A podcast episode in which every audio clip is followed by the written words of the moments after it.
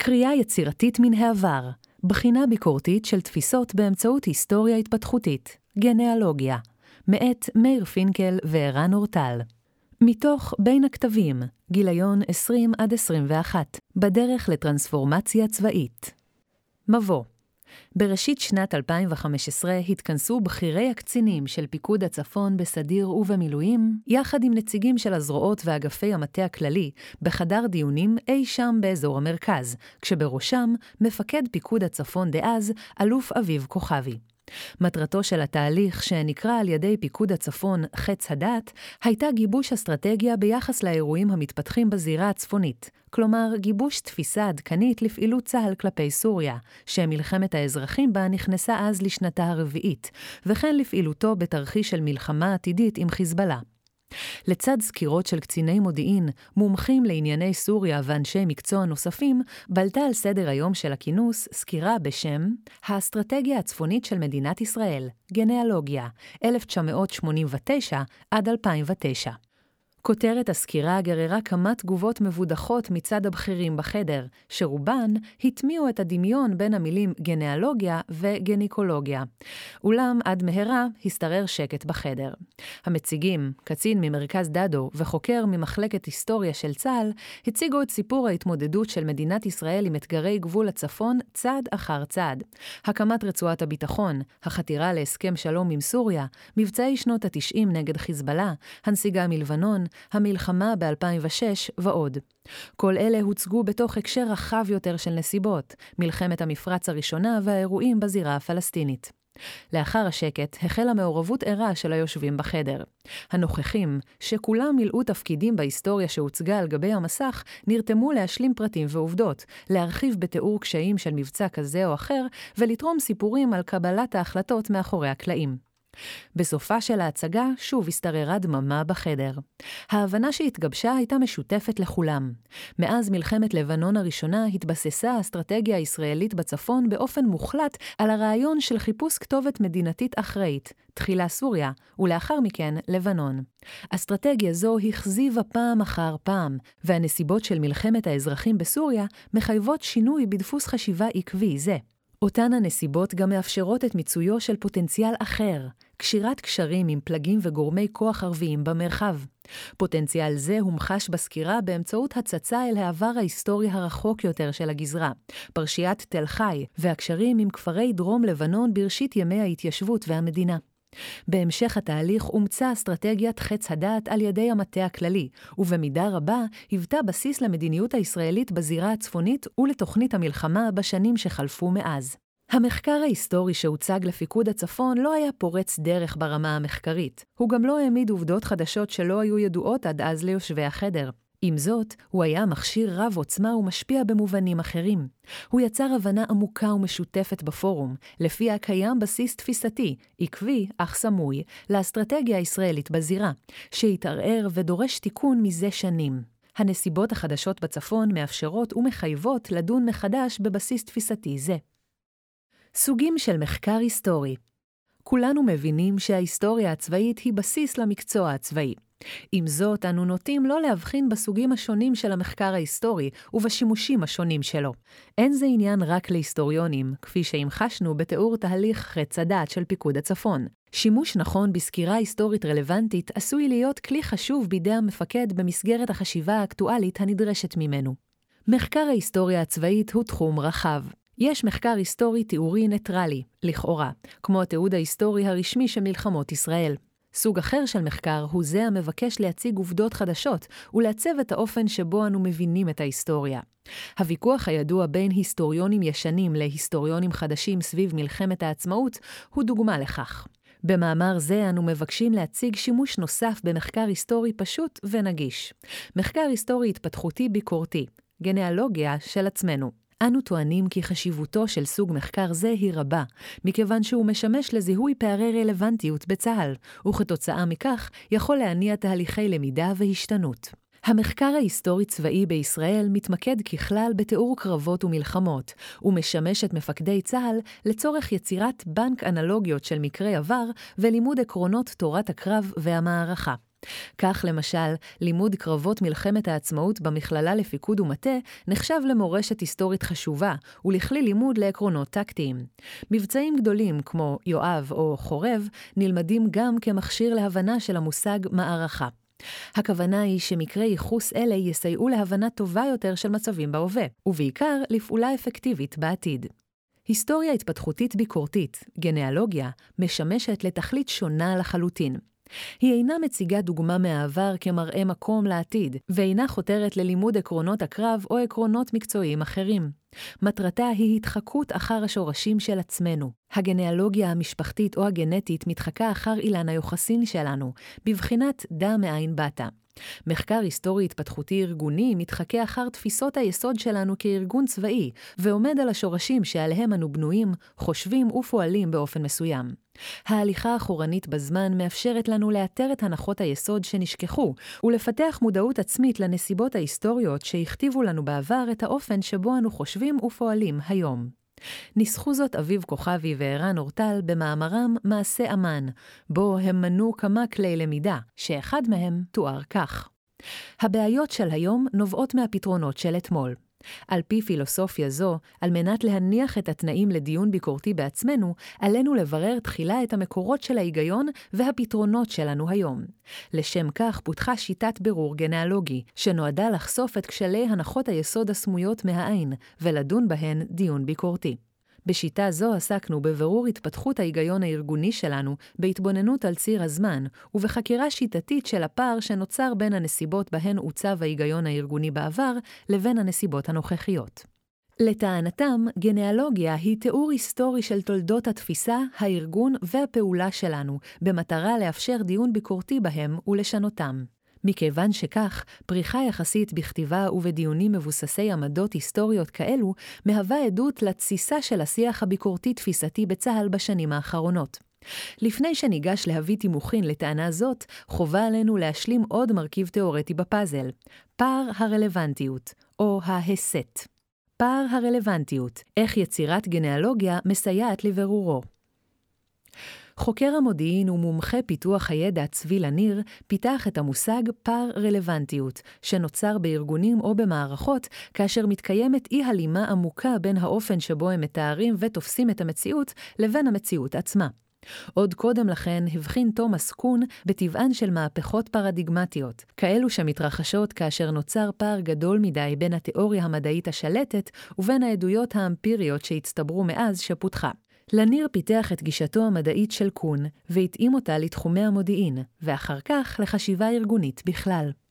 לפי לניר, הפער בין המוצהר ובין הקיים נותן את אותותיו בשלבים הראשונים בתפקוד הארגון ובאמון שעובדיו נותנים בו.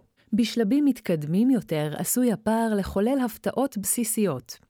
הפתעה בסיסית, בשונה מהפתעה מצבית, היא כזו שאינה מאפשרת למופתע הכנה תפיסתית מוקדמת כלשהי. לדוגמה, מתקפה מפתיעה של האויב במהלך מלחמה היא הפתעה מצבית.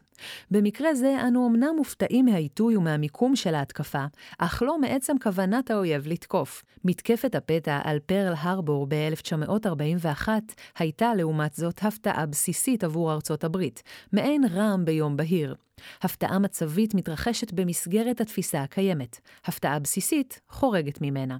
לניר כתב על תרומתו של פער הרלוונטיות להיווצרותה של הפתעה בסיסית. פער הרלוונטיות גורם לעיוורון רחב ורב-ממדי ביחס לתהליכים ולאירועים מהותיים במציאות. עיוורון זה הוא שמסביר את עוצמת הקריסה של התפיסה נוכח האירוע המפתיע. מכאן שאת שורשיה של ההפתעה הבסיסית יש להעמיק ולחפש תקופה ארוכה לפני התרחשותו של האירוע המפתיע עצמו. יתר על כן מסתבר כי פער הרלוונטיות אינו נסגר גם מיד לאחר התרחשותה של ההפתעה הבסיסית. הוא ממשיך להתקיים עוד זמן רב לאחריה, זמן שבמהלכו אנו מועדים להפתעות בסיסיות נוספות. צבי לניר הבחין בארבעה שלבים מרכזיים בכרונולוגיה הטיפוסית של פער רלוונטיות. השלב הראשון הוא רלוונטיות. בראשית הדרך הארגון פועל בהתאם למציאות הזמן. תגובותיו ויוזמותיו מותאמות למצב. במציאות זו ייתכנו הפתעות מצביות הנובעות מפערי מידע. השאיפה המרכזית בשלב זה היא אופטימיזציה ויעילות. השלב השני הוא הבשלה, אינקובציה, המציאות שכנגד מתחילה להשתנות, בתחילה באופן תהליכי ומדורג, כך שהמערכת ממשיכה לבחון אותה תחת אותה מערכת תפיסתית. לבסוף, מתוך ההבשלה, מתרחשת הפתעה בסיסית. בתהום שבין המציאות ובין התפיסה, נוצרים אירועי קיצון, שעלולים להביא לקריסת המערכת. השלב השלישי הוא מרחב ההכחשה. ההפתעה מייצרת הכחשה של המציאות ושל הצורך להשתנות, וזאת תחת מנגנונים שונים של הימנעות.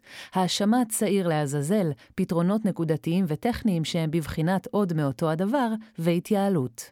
השלב הרביעי הוא למידה בסיסית, הכרה שמתחילה שינוי. הכרה זו מאפשרת את התהליך האיטי של למידה, שמשיב לבסוף את הרלוונטיות של המערכת. התיאוריה של הניר מסייעת לנו להבין את חשיבות הגנאלוגיה לתהליכי חשיבה של מפקדים המוטרדים מהרלוונטיות של הארגון שלהם כתוצאה מהשתנות הנסיבות.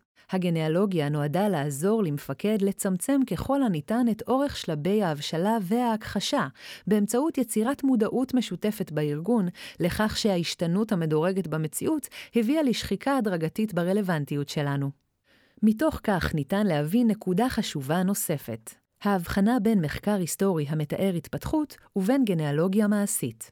גנאלוגיה מעשית, הגם שעניינה ההיסטוריה התפיסתית-ארגונית שלנו, אינה עניינם של ההיסטוריונים. היסטוריונים עשויים לסייע מאוד בהצגת נתונים ואף פרשנות יקרי ערך, אך האחריות של מפקדים לחתור לרלוונטיות של הארגון הצבאי נוכח השתנות הנסיבות, היא זו שמניעה עמדות היסטוריות התפתחותיות ביקורתיות. אותם מפקדים גם מעורבים בדרך כלל בעיצובו של המחקר עצמו. היסטוריונים רבים עסקו ועוסקים בתיאור ביקורתי של התפתחות גישות צבאיות, ובאופן שבו גישות אלו איבדו רלוונטיות כשהנסיבות השתנו. דוב תמרי, למשל, טוען כי רכישתו של עומק אסטרטגי ישראלי בסיני כתוצאה ממלחמת ששת הימים, עיקרה מתוכן את גישת המתקפה המקדימה של צה"ל. צה"ל אומנם נפרס בהגנה בתעלת סואץ, אך לא שינה את גישתו התפיסתית הבסיסית. לכן, הוא לא פיתח תפיסת הגנה מתאימה, וקרס תפיסתית כשנאלץ להילחם במגננה. מפקדים שכתבו ספרי זיכרונות והיסטוריונים החוקרים את תולדות ישראל עסקו בהתפתחות התפיסות לקראת אירועים היסטוריים חשובים. הספרות העשירה בחו"ל, שעוסקת בחדשנות צבאית, מטפלת רובה ככולה בסירוב של צבאות לשנות תפיסה וארגון מסורתיים, גם נוכח שינוי ברור ובולט בנסיבות בסביבה האסטרטגית ובשדה הקרב הצפוי. בסוג זה של ספרות היסטורית גלום ערך עצום ללמידה הצבאית. עם זאת, היסטוריונים אלה אינם מעמידים בדרך כלל גנאלוגיות מעשיות, אלא עוסקים בפרשנות ביקורתית של העבר, ומספקים לנו, כאמור, מקרי ייחוס רבי ערך. טוב יעשה, לפיכך, ארגון צבאי חכם, אם ימצה את הידע והפרשנות שחוקרים אלה מעמידים עבורו. גנאלוגיה מעשית היא המהלך המחקרי-ביקורתי שעושה מפקד עם עצמו כדי לפעול טוב יותר במציאות הנוכחית והעתידית. מדובר בשימוש בהיסטוריה הקונקרטית שלנו כדי להשתנות ולהסתגל לשינויים בסביבה. המפקד שעושה זאת מונע מעצמו להפוך לנושא או ללקח במחקרים היסטוריים עתידיים. העיד על כך מפקד זרוע היבשה, אלוף גיא צור, בסיכומו של דיון גנאלוגי על 20 שנות תמרון. עם סיום מבצע צוק איתן, חשבתי כי אין צורך בתהליך מסוג זה, מתוך הבנה של מה השתנה ומה לא. מצוק איתן יצאתי בתחושת אופוריה, המתבססת על התחושה שהוכח כי לא ניתן להתעמת ללא תמרון. חזרתי למציאות מהר משציפיתי, והבנתי שבראייה ביקורתית ומאוזנת, מבצע צוק איתן לא היה שונה במהותו מרצף המבצעים של הדור האחרון. כאן הוא מונה את רצף המבצעים ואופיים כפי שהוצגו בדיון. ניתן לצפות כי מלחמת לבנון השלישית תראה כמו מבצע צוק איתן, אולם בהיקפי ירי עצומים והיקף נפגעים רחב לעורף הישראלי. די ברור כי למדינת ישראל אין יכולת כלכלית לעמוד במלחמות אש של 50 יממות. לפיכך, נדרשת הכרעה. ההכרעה בעיניי היא להביא את האויב למצב שבו הוא יוותר על הכלים הנוכחיים שלו ויחליט להשתנות. עלינו להבהיר לחיזבאללה שאין ביכולתו לפגוע בעורף ישראל, ועליו לנטוש את רעיון הפגיעה בעורף. לכן, השאלה היא כיצד לבנות תמרון מכריע שישלול את הכלי של ירי התמ"ס, תוך יצירת חוסר תוחלת וחוסר הישג משמעותי לאויב על העורף הישראלי. גנאלוגיה היא למעשה שימוש מניפולטיבי בעובדות היסטוריות, במובן של בחירה סלקטיבית של האירועים המרכזיים המסבירים את ההתפתחות, הנוגעות לנו אישית, כדי להגיע לתודעה שיש צורך בשינוי ולהניע את תהליך השינוי עצמו. קצב השינויים במציאות כגורם לצורך הגדל בבחינה ביקורתית של תפיסות. רבות דובר ונכתב בשנים האחרונות על השתנות המזרח התיכון ועל עידן חוסר הוודאות והשינויים המואצים, הידוע כ-VUCA, Volatility, Uncertainty, Complexity and Ambiguity. הזירה הצפונית סיפקה בשנים האחרונות, ועדיין מספקת, דוגמה להשתנות גיאופוליטית בלתי פוסקת ביחסי הכוחות בין המשטר הסורי, המורדים בו, חיזבאללה ודאעש, ללא מעורבות רוסית ואיראנית, ויחד איתה, וכן להשתנות מהירה ברמה הטקטית של כל אחד מהגופים האלה. קצב השינויים מציב קושי גדול בפני מגוון תחומי עשייה צבאיים, בספר המסכם את הבנותיו לגבי תפקיד המודיעין בעת הזו, כתב איתי ברון, שהיה רח"ט מחקר באמ"ן, כי המודיעין מתמודד עם אתגר תופעת ההתהוות, וכן עם תחומי תוכן, שהם מימד אחר של אתגר ההתהוות, מתפתחים, כמו מחקר הציבור ומחקר כללי. היבט אחר של ההשתנות קשור להאצה בהתפתחות הטכנולוגית האזרחית ובהתפתחות הצבאית העוקבת אחריה. האויבים שמסביבנו, הבלתי מדינתיים והסמי-מדינתיים, מטמיעים התפתחות זו בארגונים הצבאיים שלהם בקלות רבה יותר בהשוואה אלינו, צבא מסודר ותקני, מה שיוצר פערי רלוונטיות אצלנו. אי אפשר להאשים את קצב ההשתנות בכל מה שקורה. איתי ברון וכרמית ולנסי תיארו כבר באמצע העשור הקודם את המהפכה בעניינים צבאיים של הצד השני. תמיר ידעי וערן אורטל פרסמו ב-2013 את מאמרם הביקורתי, בו קבעו כי מבצעי ההרתעה הם דפוס פעולה הנמצא במבוי סתום. זמן קצר לאחר מכן פרסמו אלוף יוסי בידץ ופרופסור דימה אדמסקי מאמר ביקורתי על גישת ההרתעה הישראלית. עופר שלח הרחיב בספרו "האומץ לנצח", שפורסם בעקבות מבצע צוק איתן, על המבוכה שבה מצויה תפיסת הביטחון של מדינת ישראל. נראה שצה"ל מוצא עצמו בעשורים האחרונים במבוכה תפיסתית מהותית. אין זה מפליא, לפיכך, שיותר ויותר מפקדים מקיימים תהליכי מחשב אסטרטגיים, או תהליכי עיצוב, כמו שאנו מכנים אותם במרכז דדו, שעניינם גיבוש גישות התמודדות חדשות. תהליכים אלה נשענים, רובם ככולם, על שלב קריטי של זיהוי פער רלוונטיות בעזרת גנאלוגיה. אלוף גיא צור, שהיה מפקד זרוע היבשה, כותב במאמרו על יבשה באופק. הפורום הסכים על גישה משותפת לתהליך הלמידה, ובתוכה חקירה מבוססת בחינה היסטורית. בחינת התהליך שעברנו בראייה לאחור, תאפשר לצוותי העבודה לחשוף את המקורות ההיסטוריים של כמה מתפיסותינו, ואולי תאפשר עיון ביקורתי מחדש בתקפותן. צור מתאר תפקיד נוסף של הגנאלוגיה, איתור הזדמנויות לשינוי. העבר מייצג לא רק את התהליך שבו תפיסתנו הופכת למי שאבד עליה כלח, הוא מציג גם ניצוצות של הזדמנות, יצירתיות שהתגלתה בנו בעבר או בהווה, ועשויה להפוך מאנקדוטה לגישה, שיכולה להתפתח ולהשתכלל כגישה מרכזית. הדיון ההיסטורי סיפק לנו שתי נקודות אחיזה הקשורות הן בתנאי הראשון, תחושת משבר אמיתית, שהיא פועל יוצא של בחינת ההיסטוריה של 20 השנים האחרונות, כלומר, לא משבר רגעי, והן בתנאי השני, היכולת לעשות שינוי. לדברי צור, הפוטנציאל לשינוי הותר במורשת מבצע ימי תשובה משנת 2004. התרומה הנוספת של ההסתכלות ההיסטורית הייתה נקודת האור שהיא סיפקה לנו, מצאנו במקרה שכמעט נשכח, מבצע ימי תשובה ב-2004, דוגמה להפעלה חדשנית ומוצלחת מאוד של כוח משולב יבשה-אוויר-מודיעין. עליית הפופולריות של המחקר הגנאלוגי בצה"ל. מי שעוקב אחרי המאמרים המתפרסמים בבין הכתבים במהלך השנים האחרונות, לא יופתע מהנכתב כאן. כתב העת גדוש במאמרים שעניינם חשיפת פערי רלוונטיות, שמקורם בפער שבין המורשת ההיסטורית הצה"לית, המפוארת בדרך כלל, ובין הנסיבות שהשתנו מאז. חלק גדול מהמאמרים משקף את מאמצי המחקר של מרכז דדו עצמו, הרתומים כולם לתהליכי למידה וחשיבה קונקרטיים המתרחשים בצה"ל בהווה. דוגמאות למחקרים תומכי תהליך כאלה הם היתרון האיכותי של צה"ל, מיקוד המו"פ והתעשיות הביטחוניות, התפתחות התפיסה הישראלית לאיום המנהרות מרצועת עזה, השפעת הרכש סיוע מארצות הברית על חופש הפעולה האסטרטגי, סדרת מחקרים זו נועדה לתמוך את החשיבה הצה"לית על מנגנוני פיתוח התפיסה והאמל"ח של צה"ל, על השינוי במושגי היסוד בתפיסת הביטחון, במבצעי הרתעה, גמול ובתפיסת הגנת הגבולות, לעמוד על מקורות התפיסות המבצעיות של צה"ל בתחומים שונים לצורך בחינתן מחדש, ועוד. חלק מהגנאלוגיות הללו מוצא את דרכו לכתב העת בין הכתבים. חלק אחר נשאר בתוך צה"ל ומתפרסם באופן פנימי. בין הכתבים משקף גם את ההגות הצבאית שנוצרה לאו דווקא בסיועו של מרכז דדו. דוגמאות למאמרים מבוססי מחקר גנאלוגי שהתפרסמו בבין הכתבים. מונחים בתנועה, גלגולו של המושג קיטור ברמה המערכתית, מאת אוהד לסלוי, בין הכתבים 2, מהגנה טקטית נגד מטוסים להגנה אווירית מערכתית, מאת תת-אלוף שחר שוחט ויניב פרידמן, בין הכתבים 4, תמורות במערכת הפיתוח והייצור הביטחונית הישראלית ומידת התאמתה לעידן הנוכחי, מאת ניסים חניה, בין הכתבים 6. פריחה זאת בכתיבה הביקורתית הנשענת על מהלכים היסטוריים אינה מקרית.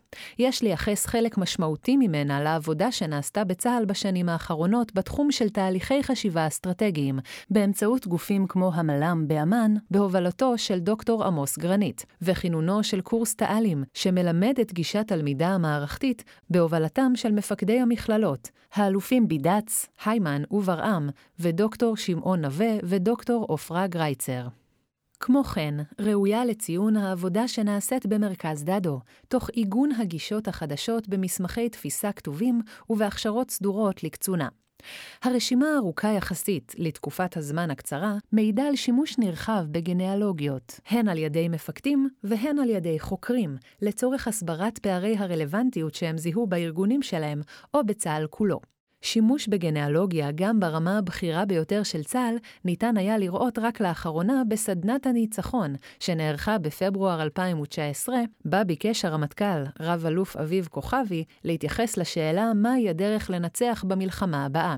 בסדנה התבקשו חברי פורום המטה הכללי של צה"ל ומפקדי אוגדות ותא"לים מרכזיים להציג גנאלוגיה של הגוף עליו הם אמונים. מטרת הגנאלוגיה הייתה לעורר דיון תפיסתי, ממנו ניתן יהיה לגבש את התוכנית הרב-שנתית של צה"ל. הדוגמאות הרבות שהובאו לעיל מצביעות על התסיסה התפיסתית ועל השיח הביקורתי הער המתקיים בצה"ל בשנים האחרונות. תיעוד תהליכי למידה אסטרטגיים לצורך שיפור תהליכים דומים בעתיד. קושי מוכר בהעמדתם של מחקרים התפתחותיים ביקורתיים, גנאלוגיות, על ידי מפקדים שאינם היסטוריונים מקצועיים, גנאלוגיות מעשיות, נעוץ בהיעדרו של תיעוד. קושי זה קשור בעובדה שצה"ל ממעט לכתוב מסמכי תפיסה בהירים ומכוננים, ועוד יותר מכך, ממעט לתעד את תהליכי החשיבה שלו. המשמעות היא שגנאלוגיות הן אתגר קשה למדי להכנה, יחסית לכלי מעשי הנחוץ לפיתוח דיון תפיסתי של המפקד. על הפער הזה אנו מנסים לגשר באמצעות תיעוד תהליכי הלמידה הנוכחיים של צה"ל. לתיעוד הזה ערך כפול. הראשון הוא, כאמור, לאפשר לחוקרים עתידיים להבין לא רק את התפיסה שגיבשו מפקדים לפניהם, אלא גם את מכלול השיקולים וההקשר הייחודי שהביאו לגיבושה של תפיסה זו. השני הוא העמדת מקרי ייחוס ישראליים לתהליכי פיתוח תפיסה. כפי שאנו משתמשים בקרבות העבר כמקרה ייחוס ללמידה צבאית מקצועית בהווה, כך עשויים תהליכי הלמידה של העבר להציג שיטות למידה, תכנים מעוררי השראה ותכסיסים לוגיים, שיספקו למפקדים ההוגים של העתיד בסיס איתן יותר למסעות האינטלקטואליים שלהם. לצערנו, הביוגרפיות של המפקדים הבכירים בצה"ל ממוקדות לרוב במלחמות שבהן השתתפו, ובתיאור אירועים מרכזיים, והמידע הכלול בהן על תהליכים בין מלחמות הוא מועט יחסית. יוצא דופן לחיוב הוא ספרו של אלוף במילואים גיורא איילנד, ראש אמ"ץ וראש אג"ת לשעבר, בו הוא מציג ומנתח תהליכים. אנו מנסים להעשיר את הבסיס החשוב הזה. בארצות הברית קיים רקע עשיר יותר והרגל טוב יותר לפיתוח ידע היסטורי לגבי תהליכי למידה. דוגמאות להמחשה הן John L. Ramju, From Active Defense to Air-Land Battle, The Development of Army Doctrine, 1973-1982, Fort Monroe, VA, Historical Office, U.S. Army Tradoc, 1984, Major Charles M. Kyle, RMA to ONA, The Saga of an Effects Based Operation, Fort Leavenworth, Kansas, School of Advanced Military Studies, United States Army Command and General Staff College, 2008.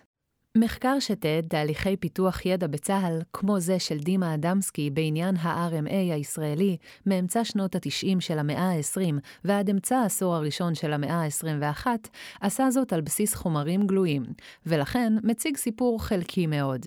פרסומים פנימיים ברוח זו, שהופקו במרכז דדו בשנים האחרונות, כוללים לדוגמה, תהליך פיתוח הידע לזירה הצפונית בין 2000 עד 2006, תהליך פיתוח הידע בפיקוד הדרום ערב מבצע צוק איתן, 2014, תהליך פיתוח הידע בזרוע היבשה, יבשה באופק ועוד. חשוב להדגיש כי מחקרי מרכז דדו אלה משלבים הן תיעוד והן ניתוח, שמטרתם הפקת לקחים לקראת תהליכים עתידיים. רובם הגדול של מחקרים אלה מסווגים, אך תמציתם מופיעה בחלק מהמאמרים שפורסמו בבין הכתבים. היבט ייחודי שיש למאמרים המתפרסמים בבין הכתבים, הוא שרובם מאופיינים בכתיבה על ידי מובילי התהליכים עצמם, המפקדים, עם ההטיה המובנית הטמונה בכך. חלקם האחר נכתב על ידי הקצינים הבכירים שליוו את תהליך הלמידה, ומיעוטם הוא פרי מחקר היסטורי של מומחים. יש בכך תרומה גם לתרבות הכתיבה החסרה של בכירי צה"ל. ניתן למצוא בבין הכתבים מאמרים רבים שבהם יש ניתוח ראשוני של תהליכי למידה. דוגמאות מרכזיות לסוג כזה של כתיבה הן מעשה אמ"ן, שינוי קבוע במציאות משתנה, מאת ראש אמ"ן לשעבר, אלוף אביב כוכבי, ואלוף משנה ערן אורטל, המציג את תהליך ההשתנות באמ"ן בשנים 2011 עד 2014. בין הכתבים 2. מהגנה טקטית נגד מטוסים להגנה אווירית מערכתית, מאת מפקד מערך ההגנה האווירית תת-אלוף שחר שוחט ויניב פרידמן, המציג את התפתחות החשיבה וההתארגנות בנושא זה, תוך התמקדות בשנים 2011 עד 2016, בין הכתבים ארבע. אין במאמרים אלה כדי להחליף מחקר היסטורי סדור, אך הם משאירים בזיכרון הארגוני של צה"ל עדות לתהליכים שקרו, ומספקים הכוונה ראשונית למחקרי המשך. סיכום והמלצות כלב זקן לא לומד תרגילים חדשים. אנו נוטים לתפוס את העבר ככזה שמספק לנו דוגמאות טובות ורעות ללמידה עתידית, כאשר מידת הקרבה ההיסטורית לימינו ומידת הדמיון לבעיות בנות זמננו מכתיבות את הרלוונטיות של המקרה ההיסטורי. רוב המחקר ההיסטורי משמש אנשי צבא לצורך זה, ולפיכך הוא חיוני, ומהווה בסיס למקצוע הצבאי. המחקר ההיסטורי מאתגר את החוקרים באושר עצום של עובדות, שיש להתחקות אחריהן ולפתח על יסודן בסיס פרשני. המושג קריאה יצירתית של העבר הוא שונה. בגנאלוגיה אנו עוסקים במחקר של עצמנו. אנו חוקרים את עברנו לא כדי ללמוד את העבר, אלא כדי להיחלץ ממלתעותיהם של ההרגלים הישנים בהם הוא לוכד אותנו. ולפעמים גם כדי לאתר את הרמזים הגלומים בו לגבי העתיד. חלק גדול מההיסטוריה של עצמנו עצור בזיכרון האישי והקרוב של השותפים לתהליכי הלמידה והחשיבה. כך היה בחץ הדת וביבשה באופק. אנו זוכרים את המבצעים והאירועים אותם אנו חוקרים, ומסוגלים להעשיר את התיעוד היבש בזיכרונות צבעוניים משלנו. חלק אחר של המורשת אבד מהזיכרון.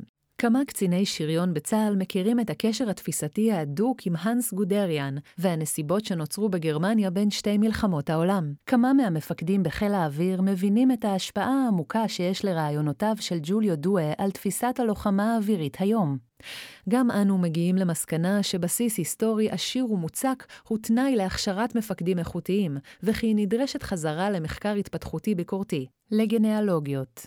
עלינו לעודד את גישת החשיבה הזו, ולאפשר למפקדים בצה"ל הבנה טובה יותר שלה. אנו נדרשים להעשיר את הכשרות הקצונה הבכירה שלנו ברוח זו, ולהעמיד לרשות המפקדים בסיסי נתונים נוחים יותר, כדי שיוכלו ליישם את הגישה בפרקטיקה הפיקודית שלהם. הפרויקט שמשתקף מעל דפי כתב העת בין הכתבים הוא צעד ראשון לקראת מציאות של צבא עשיר יותר מבחינה אינטלקטואלית, הוגה יותר, ביקורתי כלפי עצמו ויצירתי כלפי עתידו.